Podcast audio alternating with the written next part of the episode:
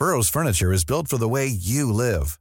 From ensuring easy assembly and disassembly to honoring highly requested new colors for their award-winning seating, they always have their customers in mind. Their modular seating is made out of durable materials to last and grow with you.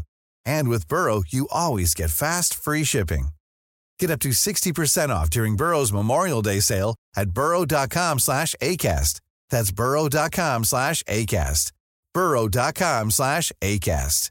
Hey, folks, I'm Mark Marin from the WTF Podcast, and this episode is brought to you by Kleenex Ultra Soft Tissues, your ally to help tackle your allergy symptoms this season. I love the change of seasons, but nobody loves pollen and all those other things floating in the air that make you sneeze during this nice weather. Kleenex Ultra Soft Tissues are hypoallergenic and allergist approved, so fight back against watery eyes and runny noses without worrying about irritating your skin. For this allergy season, grab Kleenex and face allergies head on.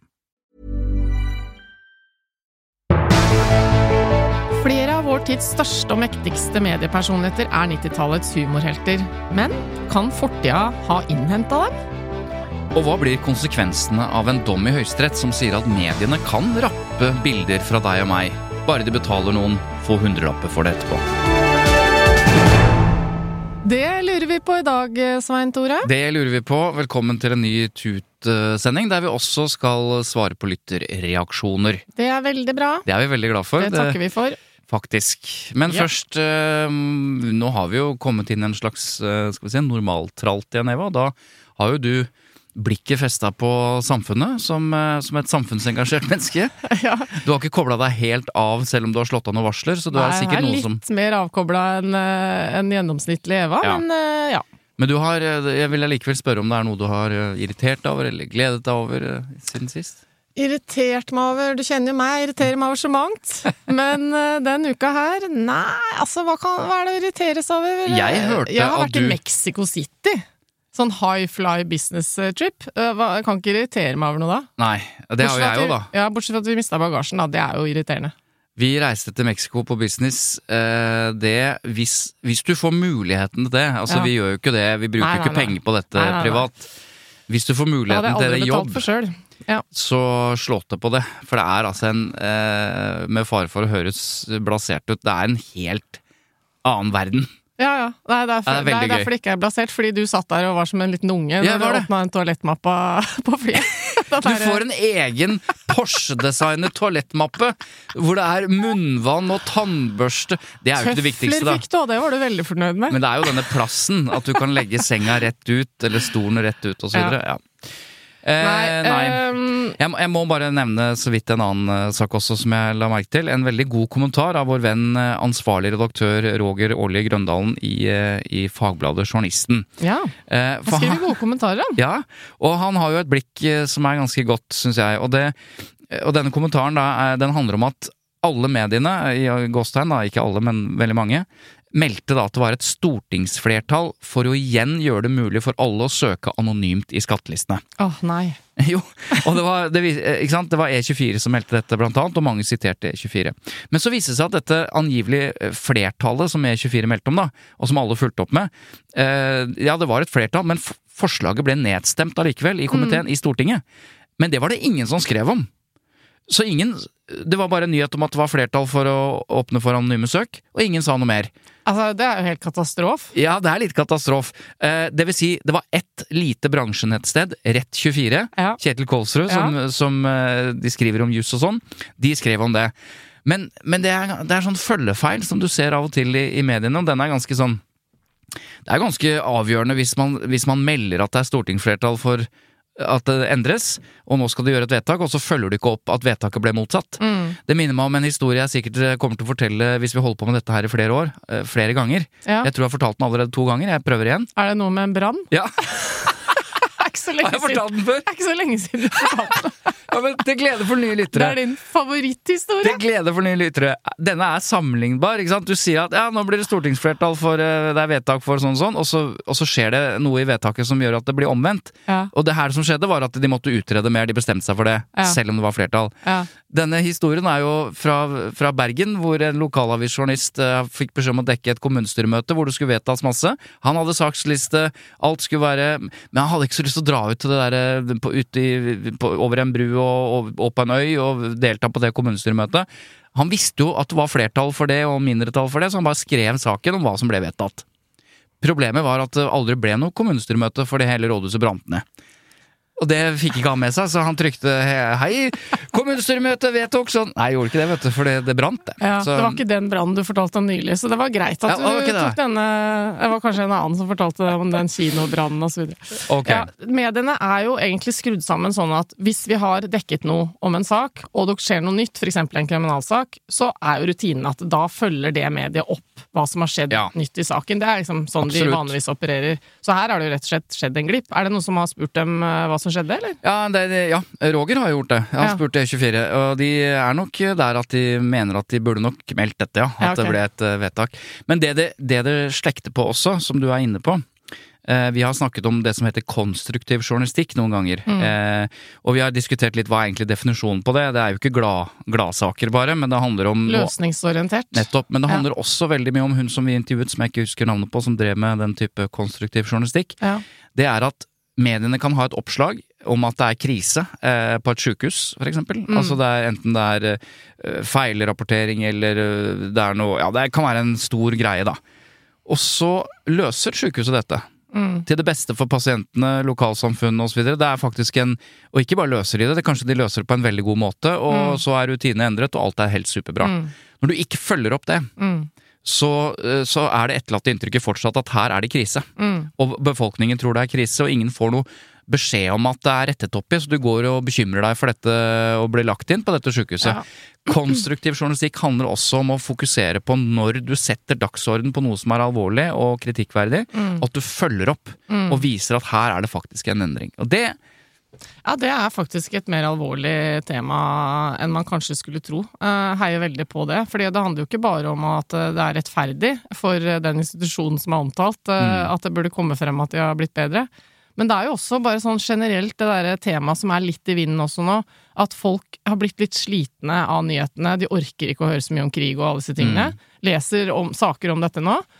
Um, det er også noe med å komme med litt, litt mer ja, løsningsorienterte ting. Da? Det er klimakrise, det er krig. Det, å bringe fram de tingene som faktisk er Ja. bra, da, og løsningene på klima. Ikke bare rope eh, Nei, og, og, ikke sant, spesielt når du bruker mye spalteplass på å beskrive, dokumentere og kritisere eh, det som er et problem.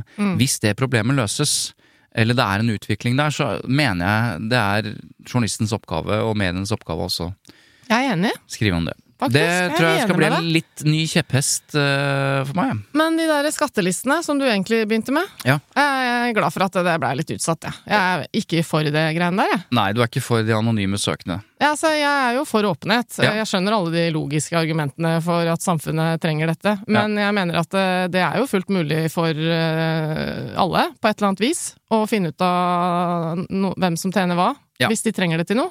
Jeg Så det er snokingen jeg er mot. Ja, du, eh, men vi tar ikke hele debatten Nei. nå, men jeg skjønner. Det gjør vi ikke.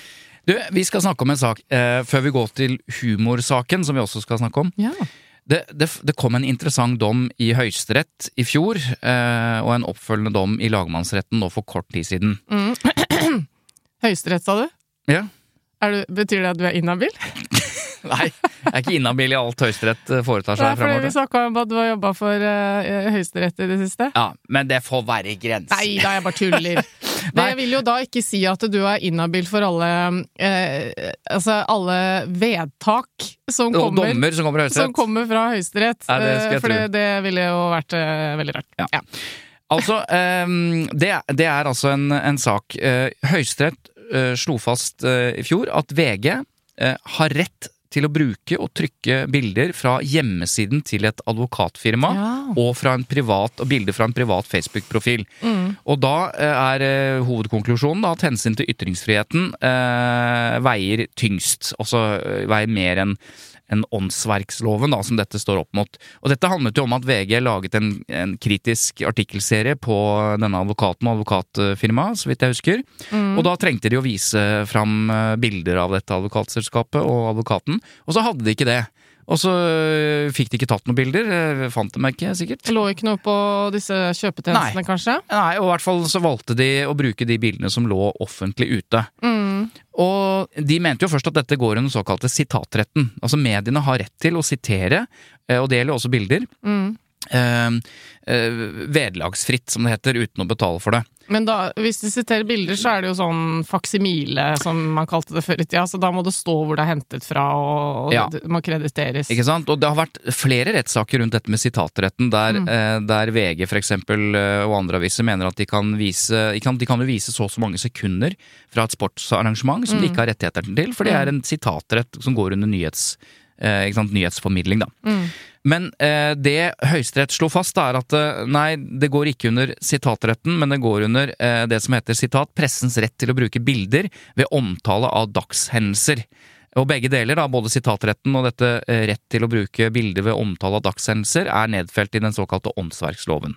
Ja, så øh, oppsummert så betyr det egentlig at så lenge det er nyheter, Ja. Eh, og det er en form for samfunnskritikk, eller det er noe viktig som Ja. formidles, da, er, da skal det være greit. Ja, ikke sant? Og Men forskjellen på sitatretten, Ja. der du bare kan uh, sitere og ikke betale, så er det under dette med uh, dette andre punktet som hender om uh, bilder, omtale av dagshendelser, så må du betale et slags vederlag i etterkant. Mm. Er du med? Ja, altså, fordi noen har gjort en jobb her og tatt noen Ja. bilder. Nettopp. Eh, og øh, Det gir jo mening. Ja, ikke sant? Og lagmannsrettens dom, da, eh, som bygget på at fotografiene kunne gjengis eh, uten plikt eh, til å betale, det sier Høyesterett at eh, det, nei, du må betale. Ikke sant? Du må betale for dette, for lagmannsretten sa først at det trengte du ikke, men Høyesterett sier det må du. Ja, Noen har gjort en jobb. Noen har gjort det. Men da er spørsmålet hvor mye skal du betale for disse bildene? Mm. Fordi advokatene, som jo er vant til å være i retten, de klinte til og sa nei, vi skal ha 1,5 millioner kroner for de bildene dere har brukt. Mm. 1,5 millioner kroner. Og hvis de hadde fått gjennomslag for det, eller vunnet fram for det Hvis en lokalavis liksom hadde, skal jobbe med nyheter, og så tar de noen bilder fra Facebook og en hjemmeside til advokatselskap, så får de en regning på 1,5 millioner kroner. Da vil de jo ikke gjøre det. Nei, så de prøver jo å gi det en sånn preventiv effekt. Men er det ikke grunn til å tro at eh, denne summen og sånn kommer litt av at de er indignert over at det har skjedd, og føler at de skal ha Ja. kompensasjon De, for jeg husker ikke argumentasjonen, men ikke sant? VG har jo brukt disse bildene masse, og VG tjener masse penger, ikke sant? Og det er jo, de, Ja. liksom, de, skulle prøve å, de prøvde å vippe opp denne Mm. summen, og rett og slett for å unngå at uh, mediene skal kunne bruke den type bilder i frykt for å betale 1,5 millioner kroner eller noe mer. Mm. Resultatet Mm. i lagmannsretten VG måtte ikke betale 1,5 millioner, de måtte betale i underkant av 7000 kroner. Og de Ja. satte prisen til ca. sånn 400 kroner per bilde. Også hvis du, de tok et profilbilde fra Facebook-side, må betale ca. 400 kroner. Mm. Og det er jo mediene veldig fornøyd med. Eh, De tapte for så vidt den biten som gikk på at det ikke gikk på sitatrett og vederlagsfritt. De måtte betale, men da setter de betaling ut fra hva er rimelig å betale for dette bildet. Mm. Eh, og det hadde antageligvis vært høyere hvis det hadde vært sånn kunstnerisk eh, Eller vært et eh, veldig viktig fotoserie som en journalist har jobbet eh, med lenge i Mm. Afghanistan osv. Men her var det et profilbilde på Facebook. 400 kroner. Dette er prinsipielt ganske viktig, fordi, Ja. eh, og det kan ha uheldige effekter for oss som vanlige folk hvis vi tenker det også. fordi spørsmålet nå er er det sånn at mediene bare kan bruke bilder på Facebook og putte det i avisen? Det har jo vært en bekymring som eh, de, noen av oss har hatt lenge, for så vidt. Hvis du lager en sak om deg da, Eva. Mm. Hvis du gjør et eller annet som de mediene definerer som av samfunnsmessig betydning, Mm. så har du lagt ut noen bilder på Facebook eller på Mm. Instagram. Mm. Kan mediene rappe de bildene? Nei, altså Dette begynte vi jo da jeg satt i Pressens faglige utvalg for mange mange år siden, og Facebook var litt nyere enn det var nå. Så begynte vi jo diskusjoner om dette. Trenger vi egne punkter i Vær varsom-plakaten for å håndtere dette? Det ble jo arbeida mye med det. Hvor skal vi sette grensene? Er det lukket profil, åpen profil? Er det antall følgere på profilen som Mm. avgjør om du liksom kan definere den eh, veggen på Facebook som, eh, som en, et offentlig rom eller ikke og sånn? Og så fant man jo heldigvis ut at eh, egentlig så er det ikke noe nytt her, vi må forholde oss til presseetikken sånn som den alltid har vært, men det har jo også resultert i at folk fremdeles sitter 15 år etterpå og Mm. stiller det samme spørsmålet som du nå gjorde. Eh, men jeg tror nok at i mediene så er logikken i stor grad at eh, hvis du ytrer deg på Facebook, så er du i utgangspunktet i fare for eh, å måtte deale med at det er en offentlig ytring, og den vil kunne bli gjengitt overalt. Men det handler litt om hva ytringen er, om det, om det er nyhetsverdi i den, om du sier noe som er kontroversielt i forhold til stillingen du har og sånn, ikke sant. Ja. Så det er det som ofte blir brukt, da, sånn som det gjøres i øvrig nyhetsjournalistikk, egentlig. Og når det gjelder bilder, da, for å avslutte denne saken, så, sånn som jeg forstår det, eh, i tråd med det for så vidt VGs eh, sjefredaktør Gahr Steiro sier, at konklusjonen er at vi kan altså benytte bilder som er relevante for å avsløre forhold av samfunnsmessig betydning, uten å bli møtt med krav hinsides enhver fornuft. Ja. Altså et krav på flere millioner kroner. Mm. Men det er fortsatt sånn at presseetikken gjelder. Det betyr at hvis du eh, Du kan ikke bare rappe eh, Kall det private Vi kan jo kalle det private personlige bilder fra Facebook bare for å ta det bildet, putte det i avisen Mm. eh, og si 'nå er de sammen igjen'. Det er ikke nødvendigvis Nei, men det eh, de ofte gjør når det gjelder sosiale medier, i hvert fall når det gjelder profiler, da, Mm. det er jo bare at de linker til posten. Den ligger der, Riktig. og så når du klikker på den, så kommer du faktisk til Instagram, Nettopp. eller Så da er det jo home free sånn sett. Og Da. noen ganger spør de kan vi bruke dette bildet. Ja. Det er noe annet. Min opplevelse er at de ofte er ganske flinke hvis det er et tvilstilfelle. Det som bekymrer meg i den uttalelsen fra Gard Steiro i VG, er vel kanskje det at det får meg til å frykte at når de er i en situasjon hvor de kjenner at de er litt sånn på kanten, så vil de gjøre alt de kan for å vinkle saken sånn at den fremstår som den har samfunnsmessig betydning. Fordi her er det jo ikke noe altså Nå sier ikke jeg at VG vil gjøre Nei, det, og. Gard Steiro vil gjøre det, men det er kanskje en fare, da, sånn som jeg kjenner eh, journalistikkens logikk noen ganger. Fordi eh, det er ikke noe tvil om at dette, selv om jeg ikke husker saken i detalj, så var det jo hard kritikk av et advokatfirma, og så skulle den illustreres med bildene av de ansatte. Og da var det kanskje ikke mulig å finne alle de ansatte og så videre på Og det ligger jo åpent på nettet, så kan du bruke det. Ja. Ja, men det er jo det er fullt mulig å forstå at uh, man reagerer litt på Man, har- man syns det er en helvetesak som VG driver med. Selvfølgelig syns man det. Man blir jo uh, driti ut, holdt jeg på å si, og avslørt. Og så går de bare og rapper de bildene som mm. man har jobba i flere måneder for å finne fotograf og kanskje måtte ha? Det er mye Ja, jobb men nå må man altså betale for det. Ja. Bare ikke 1,5 millioner. Ja, jeg syns den summen, det er den som irriterte meg mest med denne saken. At jeg syns det ble litt sånn eh, Hallo, eh, hvilket eh, tiår er det vi lever i? I forhold til hva en fotograf som har gjort en jobb, og som plutselig får jobben sin eksponert i en av Norges største aviser, skal få noen hundrelapper. Det, det syns jeg egentlig var en for lav pris, da. Men nå vet jeg ikke om det, om det er en fotograf som har lagt ned et stort arbeid her. Det, så langt gikk jeg ikke i saken, men det ble vurdert skjønnsmessig. Ja. eh, Og det er okay. helt åpenbart Så var det det litt dårlige bilder. ja. det var rett og slett dårlig jobb. Nei da, men, eh, men det er i hvert fall prinsipielt viktig, og jeg syns det er viktig at mediene ikke eh, trenger å frykte at de møter at, Altså Hadde de fått 1,5 millioner kroner i erstatning, Ja. så hadde det vært en nedkjølende effekt for alle medier som Mm. eh, skulle illustrere viktige saker. Mm. Det er det som er poenget. Kan jeg fortelle en liten uh, historie? Uten sammenligning for øvrig. Ja, Som en ren digresjon. Uh, ja, det er litt uh, relatert til dette. Og det er at jeg har vært på forsiden av Norsk Ukeblad. Ja. Smilt til kameralinsa fra kioskhyllene i hele Norges land. ja. Men vet du hvor det bildet kom fra? I en ferie, kanskje? Eller? Det var sånn skolefototing. Ok.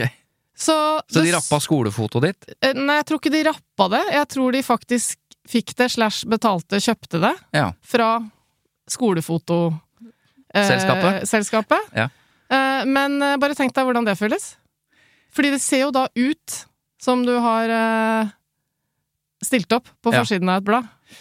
Det hadde ikke skjedd i dag, det kan jeg si med en gang.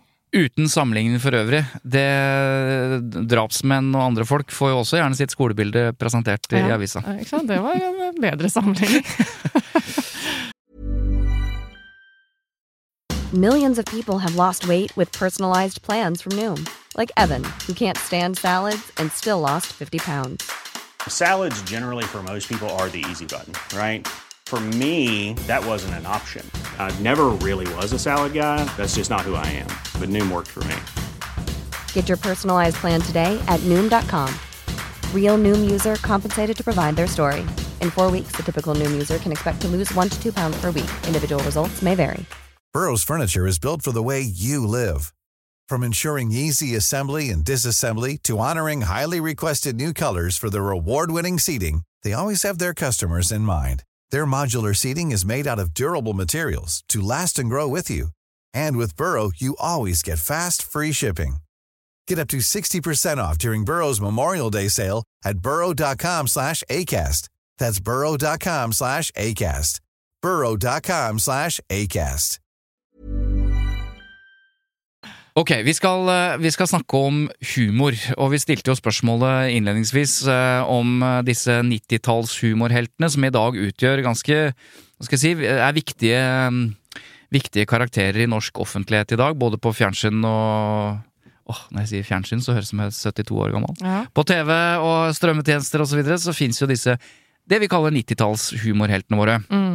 Spørsmålet er om eh, tida på en måte har løpt eh, fra dem. Mm. Fordi etter denne Bar Boka-episoden med Atle Antonsen og Sumaya Jiridali, så har eh, Morgenbladet Nå virker vi helt opphengt på Morgenbladet, for det er tredje episoden på rad vi refererte til Morgenbladet og intervjuet sjefredaktøren og sånn. Det er vel ikke til å legge skjul på at du er opphengt av Morgenbladet. Ja, ja, ja, kanskje. Men i hvert fall så har Morgenbladet nå laget en slags humoranalyse med kommentarer og reportasjer og sånn, og så har de En veldig bra Ja, humoranalyse. veldig Eh, gå i butikken og kjøp den papirutgaven av Morgenbladet, du kjære lytter. Det, det er verdt pengene sine. Ja, eller bli abonnent hvis du vil det. Eh, eh, de har også tematisert 90-tallshumoren eh, og forsøkt å, å snakke med Antonsens kolleger og venner og, og sånn, for å finne ut hva var det som egentlig gikk galt den kvelden. Altså, eh, fordi, som etterforskningen konkluderer med, og som kanskje var litt overraskende for flere, så, så konkluderer med at det var et stykke svært mislykket forsøk på humor humor. og satire. Ja. Det syns jeg var en eh, fin setning i eh, konklusjonen til slutt. Uh, for det, det føler jeg kanskje også er litt sånn Det har blitt litt borte i hele den store debatten. Men konklusjonen var altså at det var et svært mislykket forsøk på humor og satire. Ja. Hele den hendelsen som vi har lest om i månedsvis. Ja, og de første dagene etter det så trodde jo ingen på at det var engang et forsøk på humor, at det var en slags bortforklaring, at det var forsøk på humor. Jeg husker selv at jeg tenkte ikke prøv å si at du prøvde å være Ja, morsom. Fordi da hadde vi en beskrivelse som var litt Ja, ja. annerledes. Vi snakket jo om det denne podkasten her òg, med vikar Maria, husker jeg, den, eh, den uka der. Men eh, jeg vil bare først si, eh, Ja. i tilfelle noen sitter eh, nå hjemme og lurer på Eller er på løpetur, da, som vi alltid ser for oss at de er. Når de hører på oss. Og lurer på ja, men hallo, har dette blitt en podkast om hvordan humoren blir til, osv.? Eh, driver ikke dere og snakker om medier og hvordan journalistikken blir til? Eh, men eh, da må, da må vi jo bare si at dette henger jo tett sammen, både fordi humor Mm. eh, blir jo ofte kringkastet Mm. i de redigerte mediene, og eh, humor blir ofte omtalt i de redigerte mediene, og humor er ofte utgangspunktet for noe som blir en stor samfunnsdebatt Mm. i de redigerte mediene. Ja, og, og, nå, og nå snakker vi om Morgenbladet, hvordan de eh, bruker journalistikken til å forsøke å ikke bare avdekke hva som har skjedd, eh, men å forstå hvordan dette enorme fallet, da, som jo det er når eh, Norges morsomste mann, eh, som mange omtaler han som, og kåret som, eh, går på en sånn smell. Eh, og da har jeg lyst til å bare eh, sitere litt fra den kommentaren som Lena Lindgren i Morgenbladet eh, har, som innleder hele dette humorjournalistikken. da. Hun skriver Humor hviler på normbrudd, og normbrudd virker bare dersom normen faktisk er virksom i et samfunn. Og så skriver hun videre en komiker som drar rasistvitser for å trosse en norm som ikke lenger finnes, står bare igjen og resirkulerer rasistiske forestillinger. Komikerens problem er ikke at vitsen er en flopp, problemet er at den ironiske distansen har innhentet ham, at komikeren er blitt sin egen i sitat primitive karakter, og til sin forferdelse ser at feil folk ler. Applausen kommer ikke fra ironiske kodeknekkere, men folk som poster hets med stavefeil. Sagt på en annen måte, eh, Atle Antonsen, da, som vi nå snakker om, han fikk jo applaus fra de han ikke ville få applaus for. Han bommet grovt. Så mm, du har lest nå dette her. Hva er det liksom umiddelbare tanker du gjør når du har lest eh, analysen av eh, 90-tallshumoren som kanskje ikke har overlevd eh, dagens klima og miljø? Nei, jeg syns øh, det er veldig interessant alt det som har vært i flere omganger nå i flere år om humor. Fordi jeg tror nok at jeg er ikke en person som i utgangspunktet går til komedie når jeg skal se en film. Mm. Eh, Jeg går i utgangspunktet ikke på standup hvis jeg skal ut på byen og hygge meg. Eh, så jeg har kjent litt på det at eh, ok, jeg er kanskje i den gjengen som, eh, som prøver litt hardt å være sånn eh, alvorlig og heller gå på teater og være på sånn samfunnsaktuelle Ja, du syns det er litt sånn. en lavere klasse? Nei, det vil jeg ikke si. Det, jeg vil ikke brukt de ordene. Men, eh, men jeg syns det var interessant, for i Morgenbladet så leste jeg også eh, at dette her med lavere klasse, det var jo faktisk sånn holdningen var på 1700-tallet. At humor, det, altså, det å le skulle man jo ikke. Nei. Fordi det å bli vurdert som menneske det, det, Man skulle være religiøs og, og alvorlig og etisk og så. Eh, og moralsk, ikke minst. Ikke fjasete. Nei.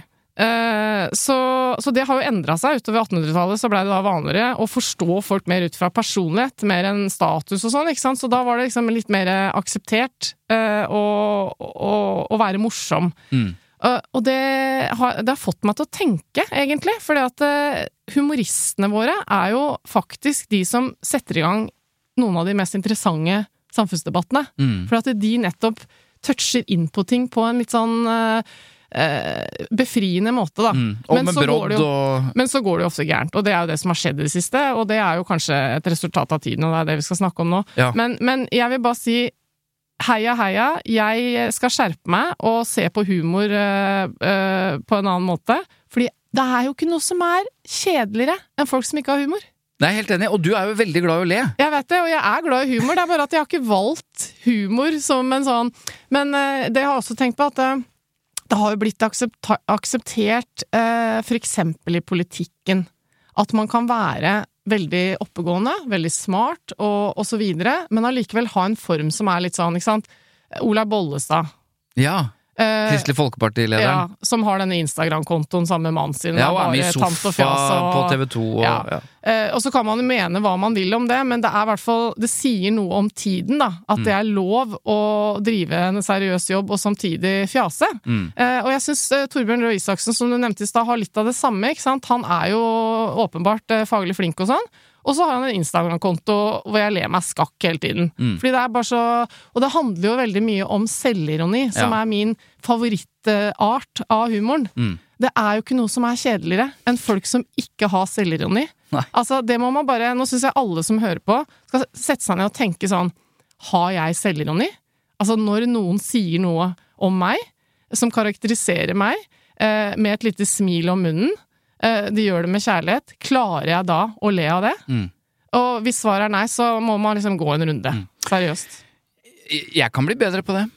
Jeg kan bli, jo, men jeg kan bli bedre på å ikke ta meg selv så veldig høytidelig. Jeg, jeg oppfattes nok av og til av andre som at jeg er litt mer alvorlig enn det jeg er. For det, du kjenner meg jo, jeg er jo ikke det. Men Nei. jeg kan bli det. Ja, kanskje. Jeg, jeg, jeg, jeg ville ikke tenkt det om deg, men jeg ser poenget ditt. Jeg kjenner deg nok Jeg vil gjerne bare respondere på det at jeg også Du ville ta selvkritikk. Men du, um, Lena Lindgren har skrevet denne kommentaren, og så er det en lang reportasje i Morgenbladet. Må han snakke med Espen um, Eckbo, og han snakker med Anne-Kat. Hærland, og snakke med uh, Harald Eia, altså de som jo forandret måten veldig Espen Thoresen. Espen Mm. Thoresen, vær så god, takk skal du ha, som han het uh, i gamle dager.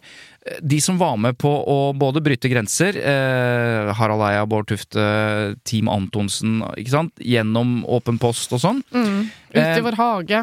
Å, gud, så- så, mye gøy det var før i tida. Ja, og, men det er en slags eim i hele etterlatt inntrykk etter å ha lest Morgenbladet, at de, at de mener jo da, og skriver jo øh, også helt konkret, at, at det er at man kan ikke eh, lage humor i dag som på 90-tallet. Så premisset er på en måte at det er det eh, Atle Antonsen har forsøkt i fylla på bar boka, at han liksom, det er et eller annet som har løpt fra han. Så jeg, eh, jeg eh, vil gjerne høre med Harald Eia, som jo holder på fortsatt.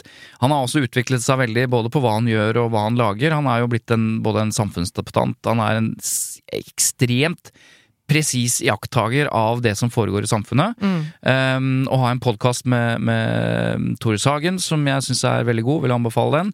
Men jeg, i hvert Ja, den er veldig bra. jeg, jeg, jeg, og jeg kommer tilbake til den, men, men, eh, men jeg ringte han i, i går kveld, seint i går kveld, i håp om at han kanskje eh, var våken, eh, for å høre nettopp hva, hva han tenker om denne analysen. Da. For han var jo en del av dette, han er en god venn av Atle. Ja. Så, så, så jeg ringte han, da. Ja, altså Jeg ringte han ikke på telefon, jeg bare kjørte full face, face Hva heter det? Vi trenger eh, Svein Tore, vi kan, lytterne kan leve i illusjonen. De, de trenger ikke å vite hvordan du gjorde dette og sånn. At jeg gjorde det på Messenger og, og med sånn FaceTime. Ja. Ja, og så tok du opp med den devicen Ja, fa- ja, sånn. ikke sant? Ja, det er ikke så farlig, tror jeg, for lytterne. Nei, jeg skal du bare høre hva han sier, da. uh, når han er, nå er det masse forbehold at han er kanonfull og sånn, da, og jeg var jo ikke der.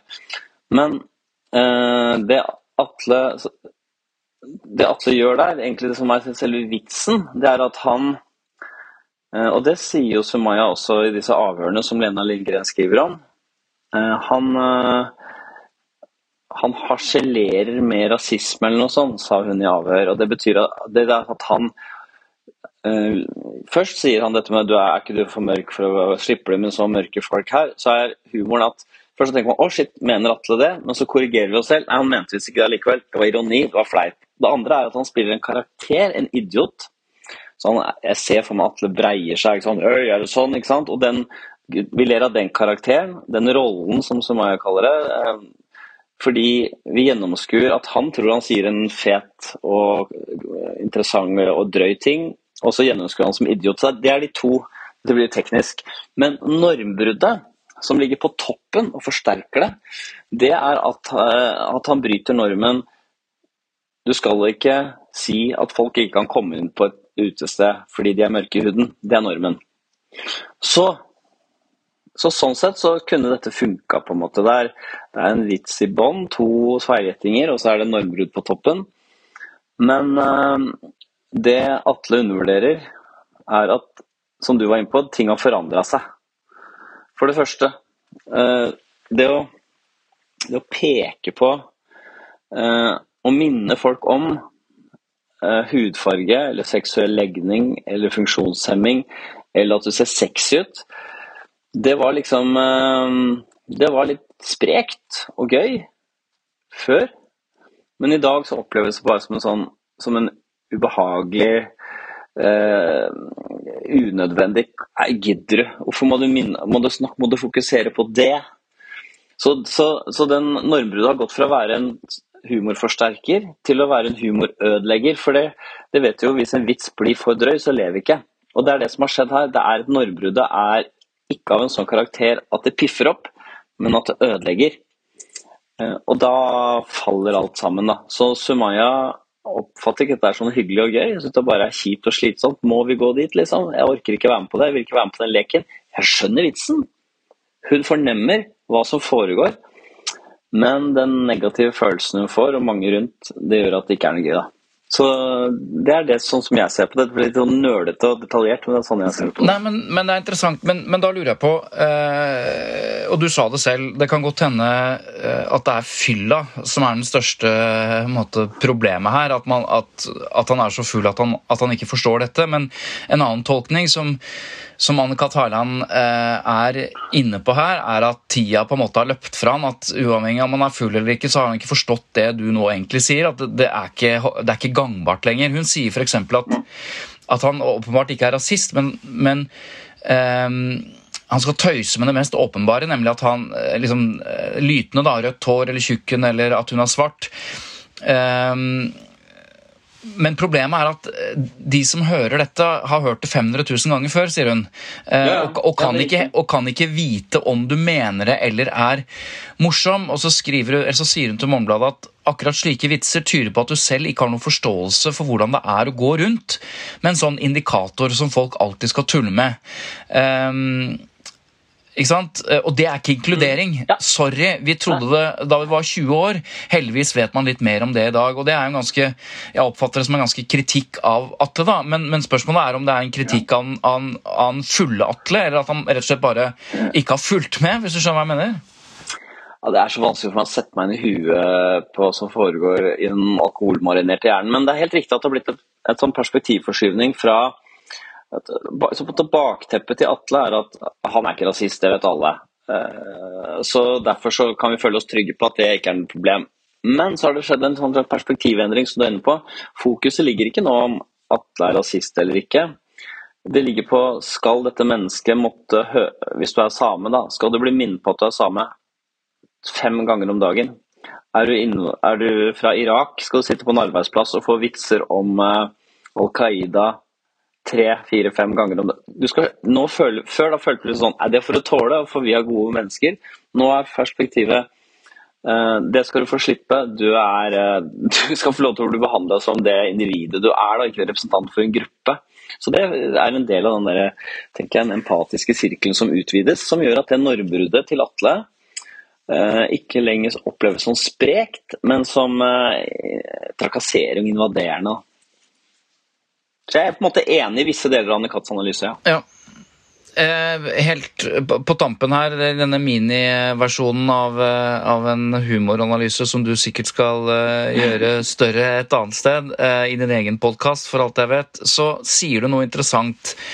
Eller mye interessant, men en av de tingene du sier til Morgenbladet, er at du hadde en improlærer som sa at humor ikke er noens tjener. Altså i motsetning til når humor bare er et virkemiddel for å få fram et poeng, så sier du at humor er ingens tjener, og sitatet er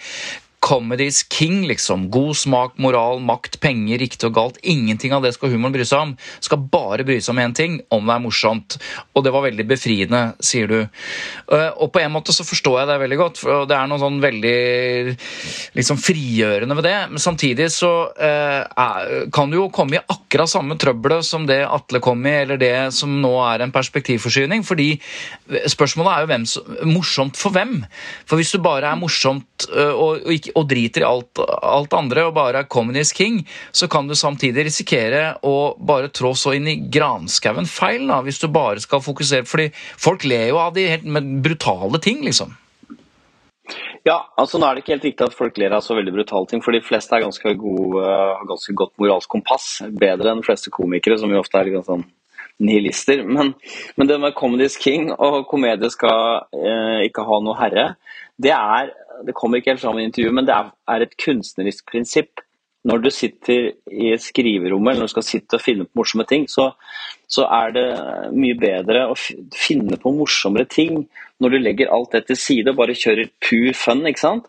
Så skriverommet til komikeren er ganske rått og hardt. og Der begynte jo vitser om 22.07. dukke opp liksom før sommeren var ferdig. skjønner du? Men så, så det, er liksom, det er der det prinsippet gjelder, men når du skal liksom produsere og lage, da kommer det mange andre etiske og menneskelige hensyn inn. da, og det er ikke sånn, og, det, jeg, og vi har brutt, vi har driti oss ut mange ganger og vært umoralske og gått over streken. så det er ikke noe, men, men det er ikke meningen som en sånn der total sånn vi skal ikke bry oss om noe når vi produserer det, men akkurat når vi lager det, så er det veldig viktig å fokusere på det. da. Så Det, det kommer ikke så godt fram i intervjuet, men det er det som er poenget mitt. Mm. Ok, eh, Harald Eia. Eh, Morgenbladet har gjort et forsøk på å forklare hvorfor det gikk eh, galt. Men som du sier, ingen kan vel helt vite hva som egentlig, egentlig skjedde. Men hvis, hvis, dette endrer noe av hvordan dere humorister ser på humor, altså at dette var en vekker på et eller annet slags vis, at det var et, et ordentlig sånn Um, ja, en vekker eller et brudd da, uh, på et eller annet. Uh, uh, hva, i så fall, hva, hva, i så fall, er dette her? Hva representerer dette skillet? Dette er, dette, er, din kollega og venn og en av Norges absolutt morsomste mennesker som, som, prøver på noe som går så inn i helvete til helvete, på en måte. Er det, hvordan skal vi på en måte tolke dette, dette tidsskillet, da? Ja, jeg tenker ikke at det er et sånt tidsskille, fordi alle vi som jobber profesjonelt må forholde oss til hva er det folk det er folks sensitivitet. da, Hva er det folk syns er gøy og ikke gøy. Det er ikke sånn at man, Ingen av oss får jo statsstøtte, sånn at vi kan ikke bare ture frem med sånn som vi gjorde det i forgårs og, og tro at det funker. Det gjør ikke Atle heller. Atle er jo, Jeg jobber med Atle, han er jo mye mer sånn politisk korrekt enn Bård og meg. og Ofte med tanke på minoriteter og sånn. Vi er sånn Nei, men faen, det må jo gå. Så Atle er sånn Nei, nei, det, blir jo drøyt og sånn.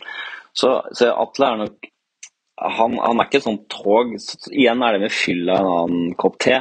Så jeg, jeg tenker at det, nå har de møtt veggen. denne Bård er jo Nytt på Nytt, uh, gjør en veldig god jobb der. Jeg driver med andre typer komedie enn det vi gjorde før. Det er klart, og Vi ville ikke laget Diamanten Antonsen åpen post i dag på den måten. Uh, fordi vi er proffer. så jeg, Det føles i hvert fall fra mitt ståsted som en liksom undervurdering at vi liksom har sånne skylapper og tror at uh, her er det bare å kjøre på med fy faen, woke er så kjedelig, og humoren skal bare slå til alle ka... Du vet, vi er pragmatikere, og vi er egentlig mye mer uh, liksom, uh, sensible overfor publikums eh, vurderinger og følelser enn det andre tror. det er veldig mye diskusjonen går på det. Hvordan vil dette oppfattes? Er det noen som vil dette Fordi publikum blir nervøse og usikre hvis de tenker at noen kommer til å reagere på det. skjønner du? Det er derfor du, Hvis du har en sal og har en vits om noe kreft, så er det ikke sikkert at de som ikke ler, selv har hatt kreft. Men de tenker at noen andre i salen kanskje mista mora si til kreft, skjønner du, og da blir de stresset av det. og sånn, så Det er veldig veldig fokus på folks følelser rundt uh, et materiale. Det er en del av håndverket. Uh, så For meg så oppleves det sånn oppblåst, det der nå at det er sånn før og etter det. Uh, og det har jeg snakket med andre komikere om, de føler heller ikke på det. I hvert fall de som får det til. De som tviholder på den 90-tallsmåten å gjøre det på, de sliter litt, men de er jo ikke i markedet lenger. ok. Takk for praten, Harald Eia. Veldig hyggelig. Håper du kom ut av det. Det var uh, Harald Eia, som jo uh, på sett og vis protesterer på hovedtesen om at verken han eller Atle eller noen andre som, som utviklet humor på 90-tallet, mm. måtte henge igjen i det fortsatt. Fordi folk de må ta utgangspunkt i hva folk ler av i dag, og folk er påvirket av det samfunnet Eh, vi lever i dag, enten det er walk eller krenkelseshysteri eller hva det måtte være. Folk ler ikke hvis du ikke er, har timing nok eh, og er påkledd dagens klima, da. Jeg vil bare si det er så bra at sånne som Harald Eia uttaler seg om sånne ting som dette, på mm. den måten han gjør. Eh, på samme måte som det er bra at Morgenbladet lager denne artikkelen. at vi hører jo når komikere som Harald Eia forklarer dette faget, så får vi jo en mye bedre forståelse av disse tingene, og det syns jeg har mangla litt i disse situasjonene som har vært med hvorfor blir nissene på låven eh, kansellert, hvorfor blir sånn og sånn tatt av, og så er det jo litt sånn at uh, man står i en storm som komiker, man blir anklaget av Twitteratet for å ha gjort noe gærent, og så orker man ikke ofte. Det er mm. det vi har sett, at komikerne ofte venter litt med å uttale seg. Og så får vi ikke den innsikten. Mm. Så der syns jeg jo eh, at eh, Morgenbladet har gjort en god jobb med å få dem i tale, og det burde man gjøre mer av, da. Jeg vil bare si det. For ja. det, Harald var veldig god, syns jeg, i denne samtalen her. Eh, men jeg er jo veldig enig med Harald i det noe, ikke ledende spørsmålet kanskje, men det derre er dette tidsskillet? Altså, det var en full fyr på byen. Mm. Som øh, gjorde et skikkelig mislykka forsøk på noe. Men det som kanskje er litt øh, lite diskutert, i hvert fall som jeg har fått med meg, er jo hva var det som skapte denne store feilen? Fordi som du sa i stad, dette skjedde, og så ble det blåst av en uh, Facebook-post, så vidt jeg husker, var vel på Facebook, som Irdali la ut. Og jeg bare lurer på, litt usikker på liksom, hvor skjedde egentlig feilen? Fordi sånn som jeg husker det, så var jo gjengivelsen av situasjonen i den Facebook-posten eh, overhodet ikke preget av at eh, hun selv hadde forstått de tingene som nå er gjengitt fra avhørene, nemlig mm. at jo, hun forsto at det var et forsøk på humor. Mm. Hun forsto at uh, han prøvde å være komiker, men hun syntes det var mislykka sånn. Jeg syns at de første par ukene, før folk begynte å gå litt mer inn i dette, så var det jo altså veldig lite nyansert fremstilling, både i eh, sosiale medier-diskusjonen og i medienes spalter som fulgte den. Mm. Er du enig? Ja, jeg er enig i det. Og jeg vil ikke bebreide Sumaya Irdi Ali for det, for hun skrev om sin opplevelse. Og så kunne, kunne, nok den skal vi si, den posten ha vært tydeligere på, på nettopp det her. jeg bare husker det som at uh, man skulle oppfatte det som at Atle Antonsen var rasist. Ja. Eh, og da begynte jo alle vennene hans å si at eh, men det kjenner vi oss ikke igjen, det kan vi ikke forstå, vi kan ja. ikke tro det, osv. Og, så og så ble det en hel krasj. Ja, men hva er det da som har skjedd? Og så mm. kom jo da avhørene, og henleggelsen av straffesaken kom jo som en direkte følge av at uh, politiet forsto, etter å ha snakket med alle, at det var et særdeles mislykket forsøk på mm. Mm. humor. Mm. Men um, tilbake til liksom Eller for å ha en slags konklusjon her, da. Kan jeg først få kommentere en annen ting som Harald sa? Ja. Det er veldig interessant det der med mm, Han sier om uh, hvordan man jobber med ideene til humor. Det mm. støtter jeg jo veldig, for hvis man jobber i kreative fag, eller egentlig når man skal være kreative generelt på jobben, så er det jo sånn at hvis man legger bånd på seg med en gang, hvis mm. man prøver å lage det ferdige produktet når man sitter og jobber i det, Dette er jo liksom oppskriften på kreative prosesser. ikke sant? Man må Absolutt. legge fra seg hemninger. Man må legge fra seg sånn 'nei, men det går ikke for de', og sånn. Mm. Og så må idéprosessen, da er alt lov. Og så er det jo når man begynner å fintune greiene, at man kan ta bort det som ikke funker. Jeg er helt enig. Eh, og jeg bare sier det fordi eh, det er masse folk som sikkert eh, sitter og hører på her, som er i jobber, hvor man eh, har sånne eh, møteidéprosesser. Sånne Mm. kundemøter hvor man skal sitte ti stykker rundt et bord og løse et problem. Og det som er problemet da, er at eh, det er alltid noen som har et behov for å være flinke, i gåsetegn. Eh, og, og, og deres definisjon av å være flinke er å være kritisk og stille kritiske spørsmål og komme på 'nei, det går ikke fordi jeg, er så, jeg vet at det, Mm. det er blir et tidlig! problem' og sånn. Det er for tidlig å legge bånd. Slutt med det! Fordi det er akkurat det som er greia, at du må være den derre ja og det, altså, For det som kan skje når det kommer en drøy idé, er at noen syns det var sånn og sånn, så får de en ny idé. Og så fører den til noe som er innafor. Så det er bare Kom igjen, folkens. Idéprosess, da er alt lov. Og, og det var derfor jeg stilte et spørsmål til han, fordi at det, den, den eh, nyanseringen han gjør der, nettopp at kunsten skal være fri, eh, den er jo ekstremt viktig. Og det som skjedde med Atle Antonsen, var at både ideen og fremførelsen og produktet skjedde jo i fylla der og da, på et utested. Ja. Det går ikke! Det går ikke! Alkoholmarinert hjerne, som Harald Eia sa. Ja. Jeg likte det uttrykket. Men, men det kan komme mye drøyere ideer på et tidlig tidspunkt som folk ikke eksponeres for, men som man på en måte kan ikke sant? Så, Ja. Men så har det jo eh, kommet mange nye eh, humorister som jo vet dette vi snakker om nå. Og som er påkoblet uh, si, samfunnet og lager humor som ikke har vært med å lage ironien eller 90-tallshumoren, men som, som lager humor i dag, og mange av de er dritmorsomme. Dritflinke. Og det som kanskje er helt nytt, er jo at eh, før så fikk eh, disse profilene som vi nå har snakket om, Atle Antonsen, Harald Eia, Bård Tufte Johansen osv., uh, etter hvert så fikk jo de en lineær TV-plattform. å- Og et budsjett. Å utfolde seg på. Mm. Eh, nå har jo eh, humoristene egentlig blitt profiler Mm. på sosiale medier, og veldig ofte er det der de starter. Og det er både bra og litt utfordrende, for de får en mulighet til å bare prøve seg litt fram og se hva som flyr og sånn. Det er jo veldig bra. Mm. Men det er jo også eh, Folk er mer utålmodige, det må være kjappere, det må være rett på. Så blir det kanskje et behov for å være litt drøyere noen ganger. For å nå gjennom. Mm. Eh, eller i hvert fall i forsøket på å finne den ene tingen som Skape oppmerksomhet Ja. i et utrolig eh, fragmentert og virvar av eh, oppmerksomhetssøkende mennesker. Akkurat det er litt interessant. Og så er det jo det som Ann-Kat. Hærland blant annet er innom i denne Morgenbladet-artikkelen. At det der med at folk har blitt profiler, influensere osv., og, så videre, og at de det er jo, Komikerne i dag er jo veldig mye på oppdrag, ikke sant? Det er jo mye sånn bestillingsverk og sånn. Og så er det jo det at eh, de er sosiale medieprofiler og blir kjøpt for content marketing, for det er jo da sånn de må overleve. Og det rakker hun, eh, vil jeg si, litt Ja, ned på. Eller ja. sånn at eh, hva skjedde, liksom? Fordi før ville vi aldri gått ut på scenen på den For før var jo humor ofte i røykfylte lokaler hvor folk satt med en halvliter, og det var liksom trygt og godt inni det Ja. rare rommet. Mens nå er det der ute, og publikum er Twitter-publikummet, eller ideen om hva noen av de gærne på Twitter kan finne på å si som kritikk.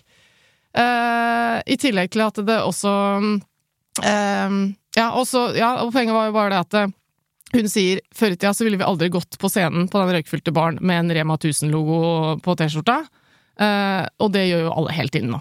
Ja, nå er det en kommersialisering av hele samfunnet, også humoren. Og jeg syns Johan Katt har et veldig godt poeng, fordi noe av det eh, vi alle frykta, var at eh, alt til slutt blir kjøpt og betalt. At Mm. det, ingenting er fritt. Ingenting er Alt har en eller annen slags form for påheng.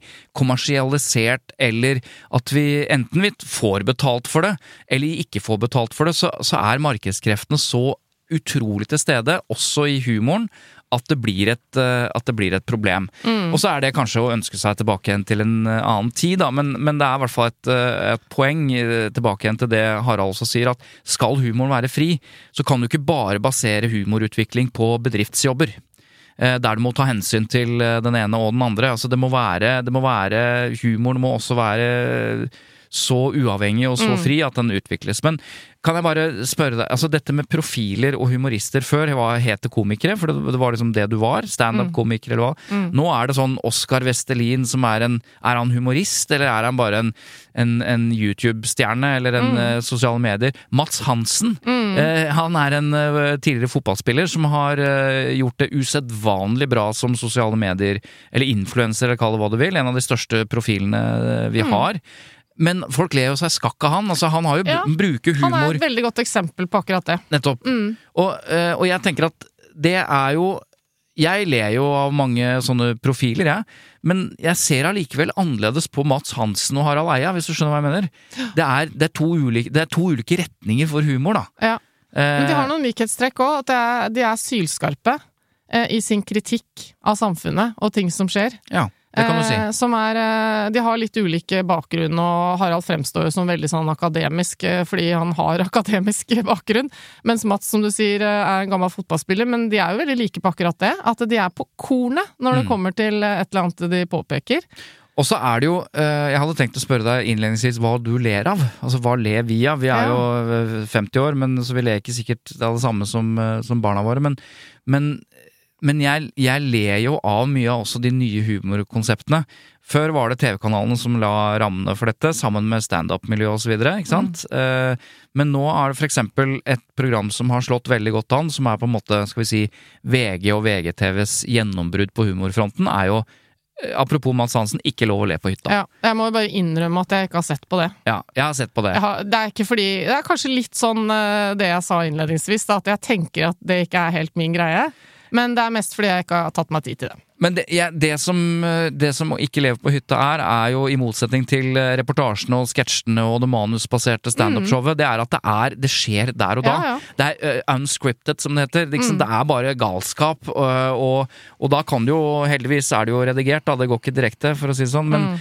men det er et eller annet ved den nye formen som også er veldig befriende. At det er Du må stole på ditt, eh, din observasjonsevne, ditt kjappe hue, og bare gå inn i det. Mm. Det gjør jo at mye av det ikke er morsomt òg. Men, eh, men allikevel, Ja, det er i jeg skal gi det en sjanse, for det, det er jo veldig befriende det der at eh, det, det er uredigert, ja. mm. Samtidig som man jo, eh, når man hører på Harald Eia og leser om hvordan de holdt på i gamle dager, det er jo et fag, ikke sant. De, de lager en sketsj, og så sitter de i klipperommet, og så ser de der falt eh, Der Mm. faller vi av. Det, det må vi ta bort, for det blir liksom det For det jeg syns var så interessant, var at de, eh, de beskriver humoren som i veldig stor grad en eh, en parodi på etablerte sjangere i mediene. Så det er veldig mye mediekritikk i humoren. I hvert fall den der NRK-humoren som vi refererer til fra 90-tallet. da. Ikke sant? De sier eh, skal, Det som er humoren her, ett av lagene i humoren, er at vi gjør narr av reportasjens form. Mm. Og så lager de en reportasje med han derre Hva het han karakteren til Harald Eia? Han derre litt venneløse fyren. ja, eh, Tom André, var det? Nei. Thomas André? Thomas André. Ja. Eh, og så forteller han om at eh, på et eller annet tidspunkt, så i en reportasje hvor han eh, var gift med en veldig mye eldre dame, så, så begynte de liksom å tafse og gjøre noe som ligna på 'sånn har de sex' og sånn. Og så, nei, men i klipperommet eh, så måtte det ut, for det ville aldri skjedd i en reportasje. Bare, så da liksom, Det ble å gå for langt, da, fordi de er veldig sjangertro osv. Og, så videre. og det andre er jo det jeg bare kom til å tenke på nå, eh, Bård Tufte Johansens uh, kyllingstunt Mm. som også er et godt eksempel på hvordan humor er eh, samfunnskritikk. For det som var intensjonen, for de som ikke nødvendigvis husker det, var jo at eh, Var det da Bondevik Nei, Nei da Jagland eh, ble lagt inn for mm. Hva var det? Han gikk i bakken etter gikk- en ja. en veldig hard politisk kamp mot Jens Stoltenberg, og alt gikk til helvete for han, og så bare Ja. orka han ikke mer. Han var og så ble- sliten. ja. Ja. Så var jo kommentaren fra, fra kyllingstuntet var jo egentlig Se på kakleriet i media. Alle løper i flokk. Nå står alle der og bla, bla, bla. bla, bla. Det var Først, det først har de kjørt han i senk, ja. og så står de utenfor Rikshospitalet og skal være så snille, og da, da kommer jo Bård Tufte i kyllingdrakt og sier det. Står bak journalisten og bare kvak, kvak. Men ikke sant, det, det var det ikke alle som oppfatta, fordi den var litt sånn på, på kanten, den vitsen. Det var litt vanskelig å skjønne hva som var Ja, poenget. men det for det virka også- litt respektløst. Og det, er jo det som er problemet Men det var ofte. definisjonsmakta også til mediene, ikke sant? For da kunne mediene si at det Bård Tufte Johansen gjorde, det var respektløst. Mm. Her var det en syk mann der inne. Vi står alvorlig og rapporterer om det. Så kommer han med liksom kyll... Men det var jo dere han ville gjøre narr av! Ikke Jagland! Vet du hva det var et tegn på? at uh, mediene ikke hadde selvironi. Ja, eller, ja, fall Det er det som gjør det Ja, kjedelig kan- når de reagerer på den måten. Og så er det så forutsigbart hvordan de reagerte òg. Men nå har vi prata sport, eh, men, men poenget var i hvert fall at eh, det er annerledes det du kaller humorfaget, hvor det er eh, veldig veldig gjennomtenkt hvordan man bygger opp humor, man, hvilke er grenser man bryter osv. Mens i dag så er det litt mer etter innfallsmetoden. Og eh, en av de morsomste i vår tid, mener jeg, er jo eh, Herman Flesvig. Herman Flesvig, det er helt Ja. riktig. Ja. Eh, Jeg skulle til Vågen- å si det er mitt svar. Ja. Eh, han ler jeg av. Kevin Vågenes også, og det som er eh, felles for begge de to, er at de har, de har mengdetrening på humor. Mm. Altså, de, de har jobbet litt i det skjulte, eh, på en måte med mindre, eh, mindre publikum enn det 90-tallshelten har, som Mm. gikk rett på fjernsyn, på en måte. Og så har de jobbet seg opp en base, og trent og trent og Mm. trent, og blitt bedre og bedre. og har en eh, tilnærming, og har jo noen talenter som Ja, ja. er helt absurde, altså. Men vi må ikke glemme at eh, for, eh, humorformen til Herman Flesvig, som i stor grad bygger på å lage eh, TV-serier eller føljetonger av eh, karakterer som han selv spiller, det er jo Espen Eckbo-formatet også. Ja, og så Robert er ikke Stoltenberg nytt, også. Ikke sant? Så, Ja så det bygger jo på det gamle. Men eh, vi har snakket om så mange av disse 90-tallsgreiene som i stor grad ble utviklet av eh, NRK, fordi noe av dette starta jo før TV 2 eh, ble til. Altså, det var jo det brytningspunktet hvor det endelig kom en ny kanal, og det gjorde de jo også narr av. Mm. For det, det som slår meg når jeg leser om denne epoken innenfor humor og satire, er at de fikk ekstremt frie tøyler, det er litt beundringsverdig egentlig, hos NRK. Til å, et budsjett, som du sa, Mm. eh, og et eller annet format på lineær-TV, til å bare go crazy, nærmest. De fikk et oppdrag som de ga litt faen i, da. Ja. Fordi at de, de, de gjorde noe helt Jo. annet enn det de Ja. Men eh, Og jeg hadde bare lyst til å si det, fordi at det, det blir også sagt i, i denne artikkelen i Morgenbladet, at eh, nå har eh, NRK liksom vært i noen stormer og ikke sant, de har uh, hatt litt problemer og ting har Mm. måttet tas av lufta og det ene med det andre. Ikke bare NRK, flere kanaler. Men nå er beskjeden fra øverste hold i NRK at eh, de skal være grenseløse. Jeg husker ikke helt om det akkurat eh, er ordrett Det er noen, eh, noen grenser, men, men jeg skjønner Men, hva du mener. og det syns jeg er bra. Mm. Det er NRKs jobb. Og så f- for his... Og Ja. det slår meg, eh, som eh, et menneske av vår tid, at selv når jeg ser på Nytt på Nytt, så kan jeg noen ganger sitte litt sånn og føle oi, gikk ikke de litt for langt litt for nå? Ja. Var ikke det litt drøyt? Og Mm. spesielt det at de ofte kødder med sine egne kollegaer i NRK og sjefer Mm. og sånn. Uh, og det er et tegn på noe veldig bra. Det deilig. Så det skal vi liksom, huske Mm. på å verdsette. Når vi har gått gjennom øh, i hvert fall litt sånn med Harelab-historien Du nevnte NRK, mye ble utviklet på NRK. Ja, men det tok ikke lang tid før også eh, TV 2 eh, og etter hvert også TV Norge seg på. Så disse tre TV-kanalene har jo i ja, hver ja, sine nå har perioder VGTV gjort mye bra også. Det, nå er det jo mange, Men da. en av de viktigste humor, eh, skal vi si, suksessene også fra den tiden, er jo eh, det som ble kalt Mandagsklubben og senere Torsdagsklubben. Mm. Som var dette talkshow som du har både i Sverige også, men også i Norge, med Thomas Giertsen, Otto Jespersen også. Mm. Men du sa eh, bare Jeg tror jeg har en liksom, forklaring på Eller min Eh, hypotese da om hvorfor Harald Eia, Bård Tufte og Team Antonsen, Kristoffer Schou, Henrik eh, Nei, eh, Espen Thoresen og fikk så frie tøyler. Mm. Det er en det er en humorsjef, eller det er en underholdningssjef bak her, som heter Charlo Halvorsen. Mm. Han eh, er da eh, Han er gift med Kristin Halvorsen, tidligere SV-leder. Det er helt uvesentlig, men eh, det er Det Charlo var derfor jeg Halvorsen. tenkte jeg skulle si det. Fordi det er uvesentlig. Det som ikke er uvesentlig, var at han og Otto Jespersen og en jeg ikke husker navnet på, startet jo Revolver-magasinet tidlig på 90-tallet, eller slutten av 80-tallet, Ja. som var en type ganske grensesprengende ny måte å kødde med folk på. De, de, eh, og han eh, Altså det at du har enkeltpersoner i dette miljøet, sånn som i NRK-systemet, som Charles Halvorsen, som har gitt de gutta frie tøyler, fordi han selv er en del av det, eller ønsket Mm. å bryte grenser, Mm. Har vært helt vesentlige, tror Ja. jeg, for den utviklingen. Og uredde sjefer i de andre TV-kanalene som har gitt eh, de mulighet. Ja. Og så er det jo uh, Jo Raknes, som også ble omtalt, som var i denne gjengen eh, på denne tida, som nå er eh, Hva er tittelen? Eh, nyhetssjef eller redaktør et eller annet for NRK Sápmi. Ja. Og, og han eh, ser jo tilbake og, og har litt sånn selvrefleksjon som jeg også syns er fint, da, for det, det er jo en av de tingene som det har vært gjort litt mye humor på, som ikke hadde overlevd eh, liksom, kritikerne i dag, åpenbart. Eh, og der tar han litt sånn selvkritikk når han ser tilbake, da. Vi, Ja. vi kødda for mye med samer på en måte som ikke egentlig er innafor. Og da har jeg lyst til å avslutte denne lille humor, eller ganske store humorpraten vår eh, med å si at eh, men vi må altså ikke dømme fortiden med nåtidens briller. Det er kanskje det viktigste Vi vi kan slutt- bidra med her. Vi må slutte med det. Eh, Ja, vi må slutte med det. Ja. Og det må heller ikke tas av og kanselleres i strømmeplattformene.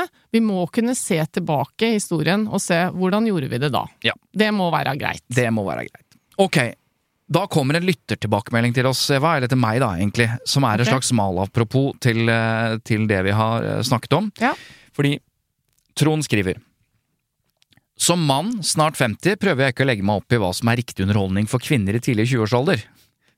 Det syns jeg det er bra. Ja. Problemet er at jeg har gjort det, da. Altså, eh, så skriver han videre Syns det var litt trist om Bergestuen i hele tatt valgte å snakke om den delen. Han snakker også om kritikken vi hadde mot NRK. Den syns han var relevant, eh, men dere kan da ikke mene at NRK skal kun levere moralsk oppbyggende programmer anno 1974? Min forståelse er at denne podkasten, og da snakker han om Sofie Elise, er underholdning ment for å treffe en gruppe de også har ansvaret for å levere innhold til. Sofie og Fetisha. Ja. Ikke Hvorvidt jeg synes det er godt eller riktig, blir jo helt feil, da jeg, og dere, er veldig langt unna målgruppen. Det at man har barn i den målgruppen, som jeg nevnte, kan jo også gjøre at man er lite kvalifisert til å mene, eller til å måle om det var riktig. Eh, Så han gir en, eh, en eh, Ternekast to? Ja, det vil jeg si. Og jeg, eh, jeg leste denne her, Ja. eh, kritikken vi fikk, rett etter at jeg hadde hørt på, nevnte Harald Eia og Tore Sagen. Og nå skal jeg gjøre akkurat som jeg hørte Anders Giæver gjorde i sin podkast, og derfor er det ganske forutsigbart og kjedelig, men etter å ha hørt Harald, Harald Eias analyse av den podkasten, Ja.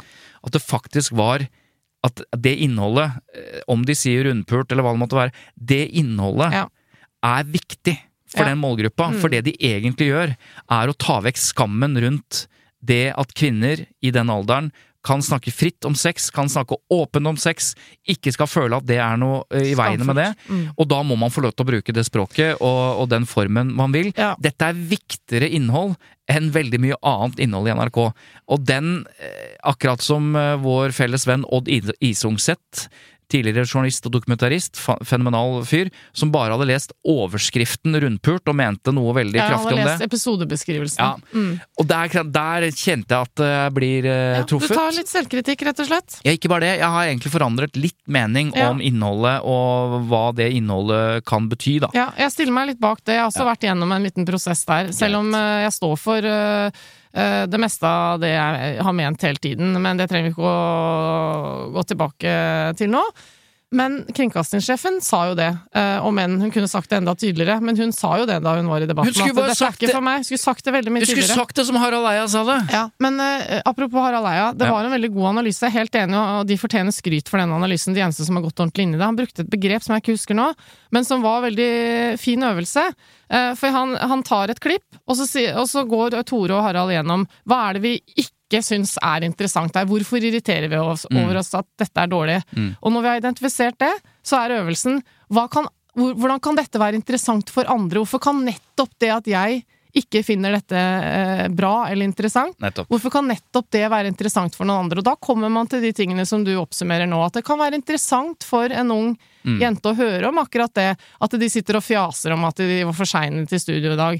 Fordi det er litt deilig kanskje for disse strebete unge folka å høre at selv disse vellykka to damene som sitter i podkasten her, de surrer like mye som meg. Åh, det var godt. Og så videre. Jeg er helt enig. Så dette er eh, et, en påminnelse om at man skal eh, gå litt ut av den vante tankegangen og se det fra andre perspektiver, og kanskje tenke seg om litt eh, mer. Og det Men jeg står allikevel for, og mener, at eh, det var greit at eh, denne podkasten ikke lenger går på NRKs plattform, men av helt andre grunner. Ja, ok. Ja. Du, eh, takk for nå, da. Jeg må løpe. Ja!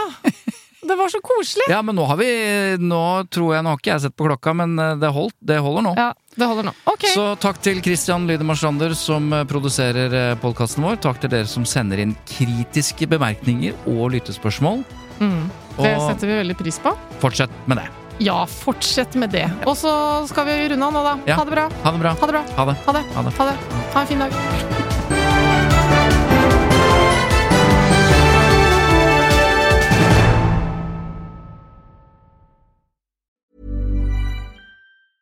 Even when we're on a budget, we still deserve nice things. Quince is a place to scoop up stunning high-end goods for 50 to 80% less than similar brands. They have buttery soft cashmere sweaters starting at $50, luxurious Italian leather bags, and so much more. Plus, Quince only works with factories that use safe, ethical, and responsible manufacturing. Get the high-end goods you'll love without the high price tag with Quince. Go to quince.com slash style for free shipping and 365-day returns.